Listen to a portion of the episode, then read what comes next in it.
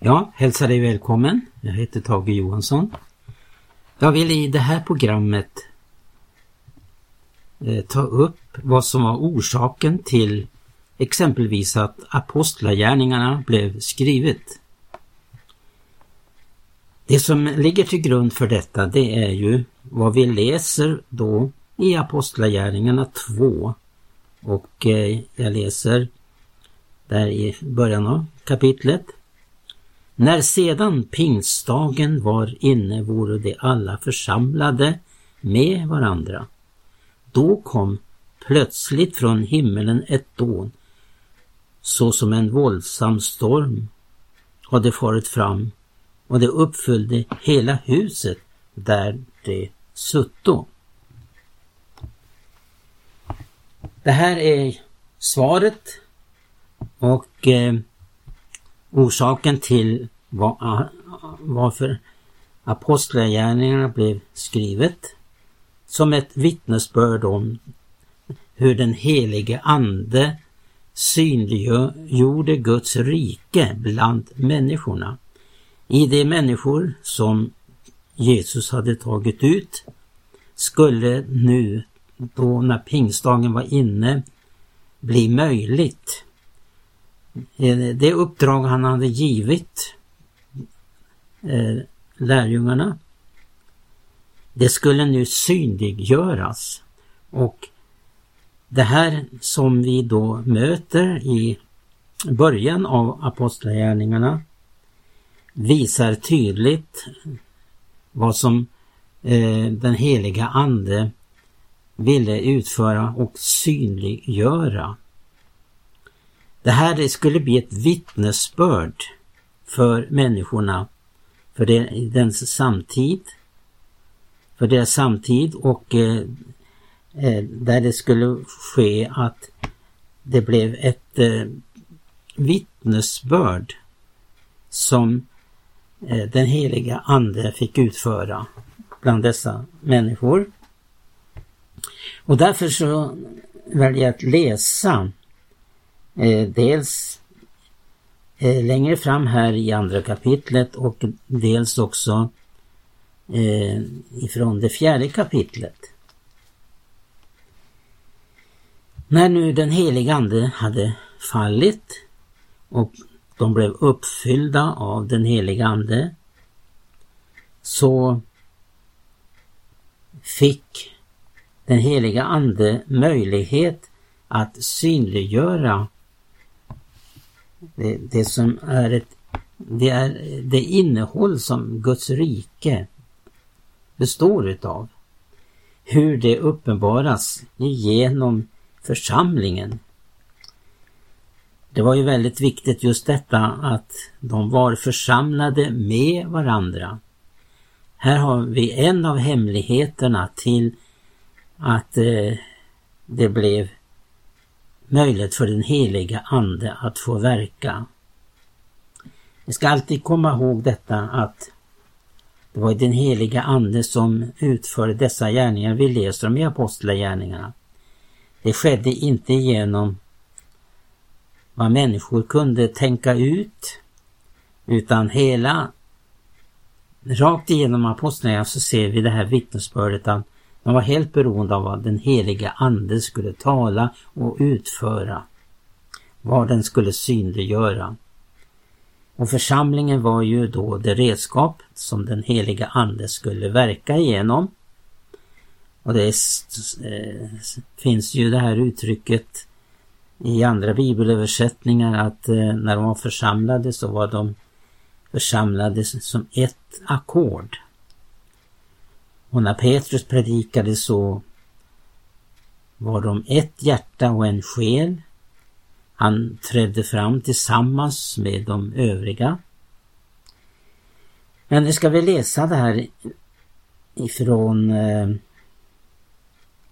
den 40, 40 versen där i andra kapitlet. Och med många andra ord bad och förmanade han dem i det han sade. Låt dem frälsa eder från detta vrånga släkte. Och det som tog emot hans ord lät att döpa sig och så ökades församlingen på den dagen med pass 3000 personer.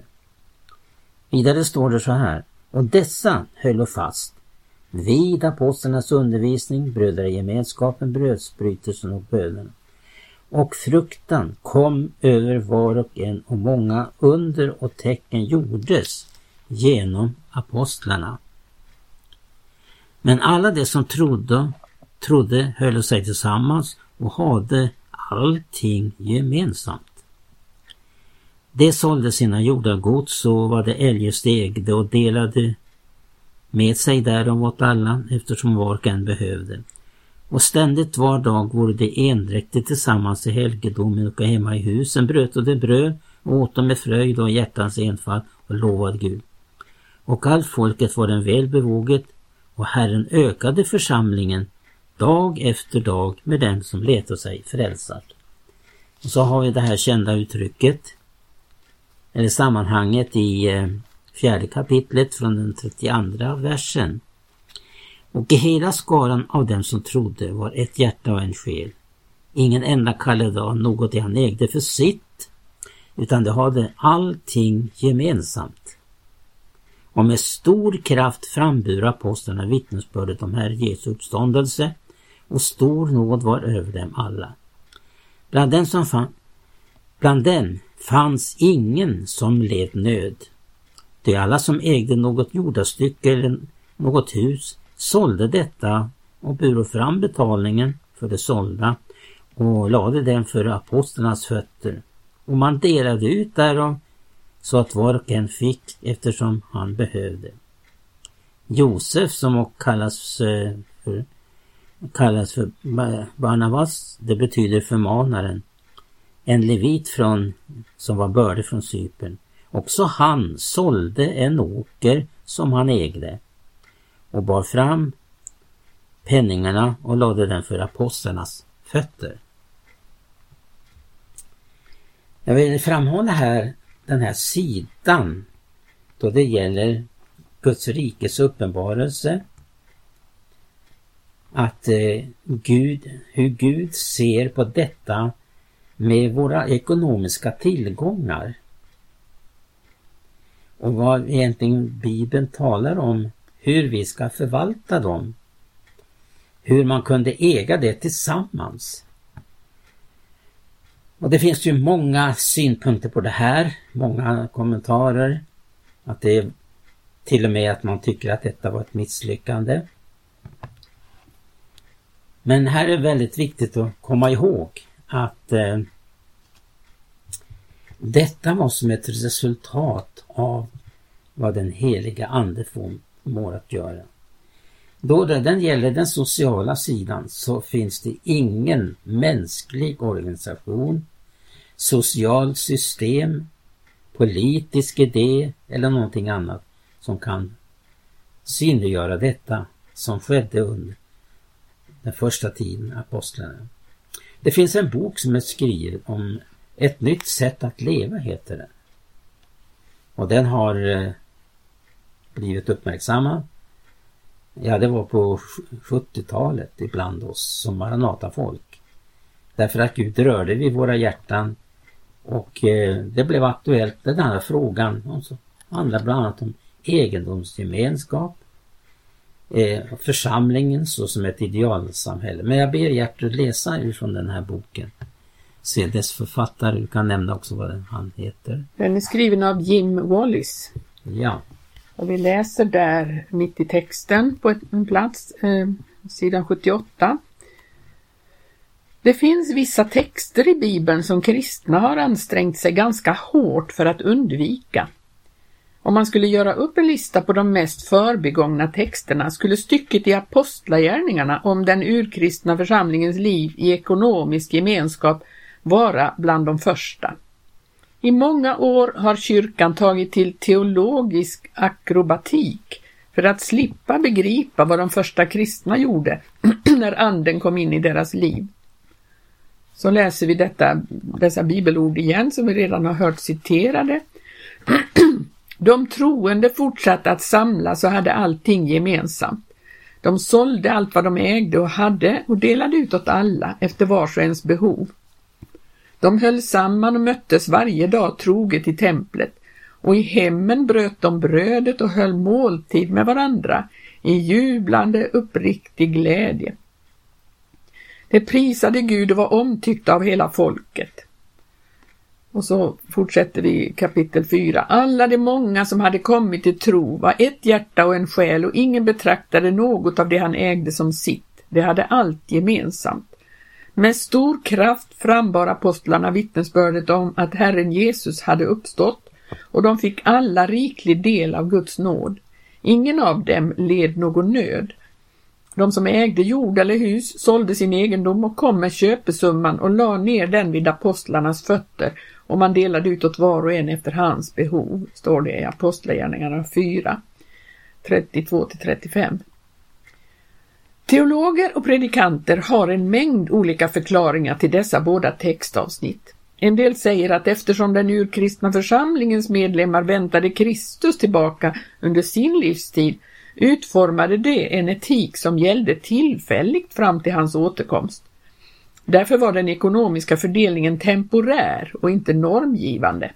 De hade fel när de väntade ändens tid så snart. Jesus kom inte tillbaka och därför måste man återgå till ett mer traditionellt ekonomiskt mönster. En del säger att de kristna på den tiden delade med sig i en reaktion på en ekonomisk kris. Det var ett nödläge och bör alltså inte tillämpas vid andra tillfällen och omständigheter. Andra säger att denna generositet helt enkelt var ett experiment i början av församlingslivet och att det inte föll väl ut. Eftersom vi inte är ett folk som tycker om misslyckanden kan vi tryggt bortse från det och låta våra ekonomiska angelägenheter vara en privatsak. Men det var faktiskt inget misslyckande. Man fortsatte att undervisa om och utöva ekonomisk gemenskap i kyrkan långt efter det som skett i Jerusalem. Didache, en kyrkohandbok från andra århundradet säger Dela allting med din broder. Säg inte det är privat egendom. Om du delar det som har evighetsvärde bör du vara mycket mer beredd att dela sånt som är förgängligt. Tertullianus sa på 200-talet Vi som är ett hjärta och en själ har självklart inga betänkligheter i fråga om gemensamt ägande. Detta är bara två exempel av de tidiga kyrkofädernas rättframhet i fråga om de kristnas kallelse till att dela med sig av sina jordiska ägodelar, både till dem inom trosgemenskapen och till alla som är i nöd. Som kyrkans ledare under dess första århundraden intog kyrkofäderna konsekvent en radikal hållning i ekonomiska frågor. Deras inställning speglade deras faderliga omsorg om de kristnas andliga välfärd och deras medkänsla med de fattiga. Jesu anda och föredöme fyller deras skrifter. Deras vittnesbörd motsäger den så vanliga uppfattningen att Jesu undervisning i detta ämne bara var ett ideal som snart modererades och ersattes av mer realistiska ekonomiska värderingar. Men andra vill i Apostlagärningarna finna ett nytt mönster för församlingen, en ny lag som slår fast att vägen till förnyelse måste banas med en gemensam kassa. Deras tanke är att om man bara tar alla sina pengar och slänger dem i en gemensam pott så blir man förnyad. Detta är varken sant eller vad textavsnitten säger oss. Trots alla försök att rationalisera innebörden i citaten är de dock inte så komplicerade. Det är helt enkelt beskrivningar på vad som hände när den heliga ande kom in i de första kristnas liv. När anden kom bland dem skingrades alla tidigare ekonomiska tankegångar och en helt annorlunda ekonomisk ordning skapades. Anden föreskrev ett helt nytt sätt att tänka och leva som påverkade deras förhållande till pengar och ägodelar. Den skapade ett nytt ekonomiskt system bland de kristna, ett gemensamt liv där ekonomin inte längre var en privatsak utan en fråga om brödraskap, ja en mycket central fråga när det gällde brödraskapet. De första kristna kunde inte finna något sätt att dela det andliga livet utan att dela det ekonomiska förvaltarskapet Fördelningen i Apostlagärningarna 2 och 4 var de första kristnas försök att praktisera sin upplevelse av Kristi sinne i ekonomiska frågor. Sambandet mellan Andens uppfyllelse och utformandet av en ny ekonomi är själva nyckeln. De kristna levde ut Jesu undervisning och fattade sina beslut därför att Anden uppfyllde dem. Senare fick Paulus med sig en summa pengar som insamlats till församlingen i Jerusalem, där man hade det svårt på grund av hungersnöd. I Andra Korinthierbrevet 8 tar han fram det viktiga sambandet mellan andlig enhet och ekonomisk likställdhet. Vi är kallade till att dela med oss, inte bara till att vara beredda att, beredda att dela med oss. Att samla på sig rikedomar medan syskon lever i fattigdom är ett tecken på synd i församlingslivet. Varför ska kristna församlingar leva i så olika ekonomiska omständigheter på olika platser? Varför ska en del kristna vara fattiga medan andra har mer än de behöver? Är vi inte en enda familj? Paulus använder ordet jämvikt i vers 14. Han ville att korintierna skulle förstå att den enhet i hjärta och sinne som Gud ville att de skulle känna med syskonen i Jerusalem bland annat hade att göra med den ekonomiska jämvikten mellan dem. Vad säger detta oss, rika kristna i ett rikt land, om en fattigdomens värld där många kristna och många församlingar är fattiga? Vårt överflödsliv krossar inte bara de fattiga ekonomiskt. Följderna är även andliga. I en värld där det finns kristna som är fattiga är vårt sätt att leva en kränkning av kristet brödraskap. Vårt välstånd sliter sönder enheten i Kristi kropp. Precis som korintierna behöver vi få klart för oss vad Paulus menar med jämvikt.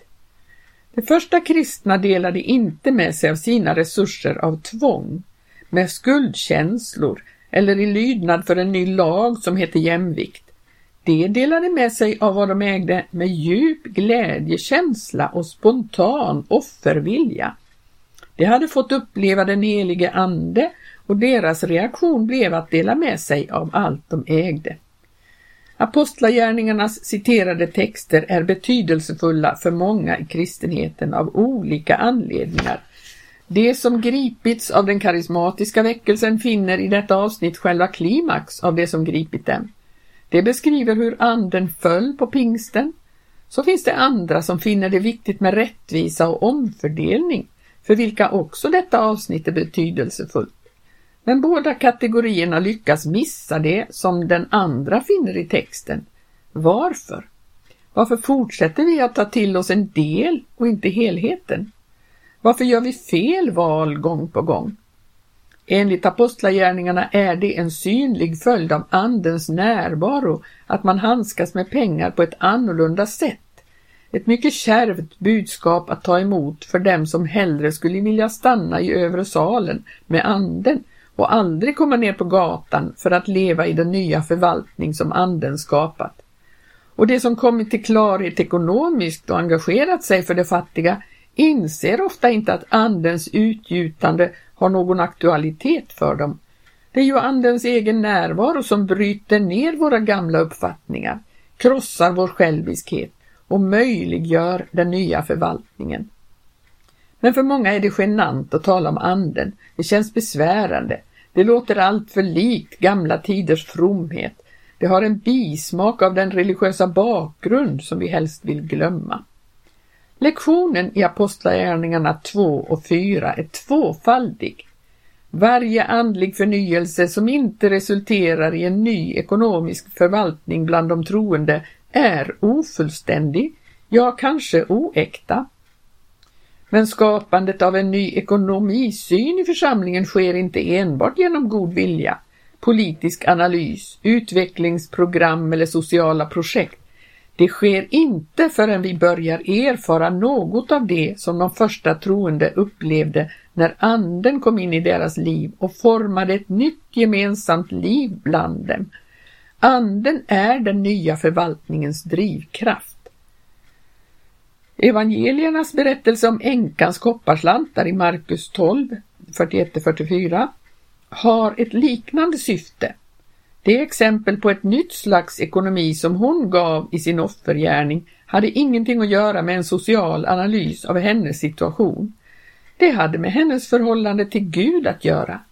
Detta som hade förvandlat ekonomin i hennes liv. Exemplet på den fattiga änkans generositet illustrerar en viktig princip i Nya testamentet som gäller offrande.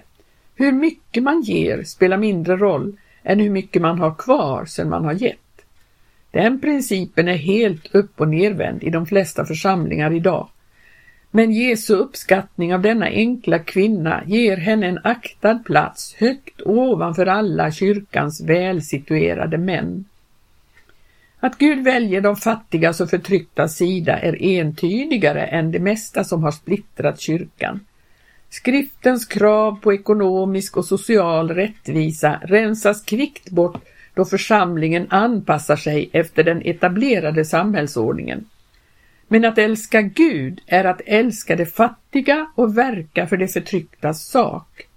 Det riktiga utgångsläget för Guds folk är att betrakta institutioner, samhällssystem och sociala strukturer ur offrens synvinkel. Den församling som beskrivs i Nya testamentet omfamnar det utblottade och tar på sig tjänareskepnad på samma sätt som Gud gjorde i Kristus. Idag är de flesta av världens folk fattiga. 70 miljoner lever idag på svältgränsen. 400 miljoner lider av kronisk undernäring. Allt som allt finns det en miljard människor som inte får tillräckligt att äta och två tredjedelar av dödsfallen i världen idag beror på hunger eller sånt som har samband med hunger. Detta är förödande. Mitt i denna förödelse har Guds son tagit sin boning. Ja. Ja, det, det som man bör tillägga här det är att Jesus Kristus själv gick den här vägen. Han eh, eh levde ett fattigt liv. Han hade inte ens eh, möjlighet att betala skatt utan fick be Petrus gå och ta upp en fisk där det fanns ett eh, guldmynt och betala skatt som egentligen inte de behövde men för att inte vara till anstöt. Ja, hela Jesu vandring den är en förebild för oss. Och det vi nu har läst i Apostlagärningarna det var en fortsättning av Jesu liv kan man säga helt klart och tydligt så kommer Jesus att eh, bli synliggjord i dessa människors liv som hade allting gemensamt. Vad som sist kan tilläggas i det här det är ju det att det här kan endast ske genom den helige Ande. Liksom bergspredikan kan ingen uppfylla annat än att uppleva att han som har befallt om detta som vi läser och det som är så känt när Jesus talade till människorna så han som har befallt detta, han har också lovat att uppfylla detta. Att detta kan ske, inte genom människas styrka kraft utan genom den heliga Ande. Ja, återigen vill jag påminna om detta. Allt detta nu, dels vi som har tagit del av den här skriften, att leva på ett nytt sätt och dessutom att eh, vi upplever att apostlagärningarna kom till genom att man blev uppfylld av den heliga Ande. Det var den heliga Ande som la ner den gudomliga kärleken att man gjorde detta av glädje, av omsorg om varandra. Att man kunde ha allting gemensamt. Ja, människor har ställt sig den frågan, hur är detta möjligt? Ja, vi får ju då svar det som jag började programmet med, att de blev alla uppfyllda av den helige Ande. Gud välsigne dig som har lyssnat och vi hörs igen nästa fredag.